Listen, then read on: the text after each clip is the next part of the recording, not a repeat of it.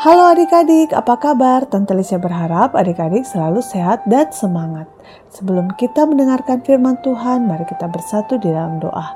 Bapa di surga, kami anak-anakmu sudah siap untuk mendengarkan firman Tuhan.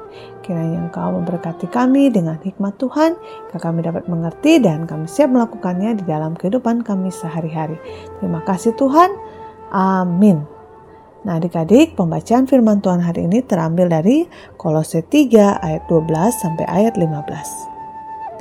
Karena itu sebagai orang-orang pilihan Allah yang dikuduskan dan dikasihinya, kenakanlah belas kasihan, kemurahan, kerendahan hati, kelemah lembutan, dan kesabaran. Sabarlah kamu seorang terhadap yang lain, dan ampunilah seorang akan yang lain apabila yang seorang menaruh dendam terhadap yang lain. Sama seperti Tuhan telah mengampuni kamu, kamu perbuat jugalah demikian. Dan di atas semuanya itu, kenakanlah kasih sebagai pengikat yang mempersatukan dan menyempurnakan. Hendaklah damai sejahtera Kristus memerintah dalam hatimu, karena untuk itulah kamu telah dipanggil menjadi satu tubuh dan bersyukurlah.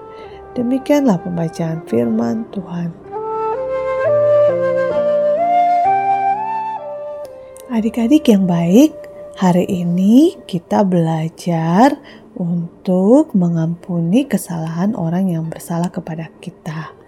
Sama seperti Tuhan sudah mengampuni segala dosa-dosa kita. Adik-adik, dalam beberapa minggu ini kita sudah selalu diingatkan untuk mengampuni. Dalam minggu ini kita belajar tentang mengampuni dan memaafkan. Apakah adik-adik pernah mengalami uh, peristiwa ini misalnya ada teman kalian melakukan kesalahan lalu kalian berat sekali untuk mengampuni dia atau memaafkan dia. Pernah? Ya, hari ini kita mau ingat firman Tuhan. Firman Tuhan yang mengingatkan kita agar kita uh, mau berteman dan mau mengampuni kesalahan teman atau orang-orang di sekitar kita karena Tuhan sudah terlebih dahulu mengampuni segala dosa dan kesalahan kita.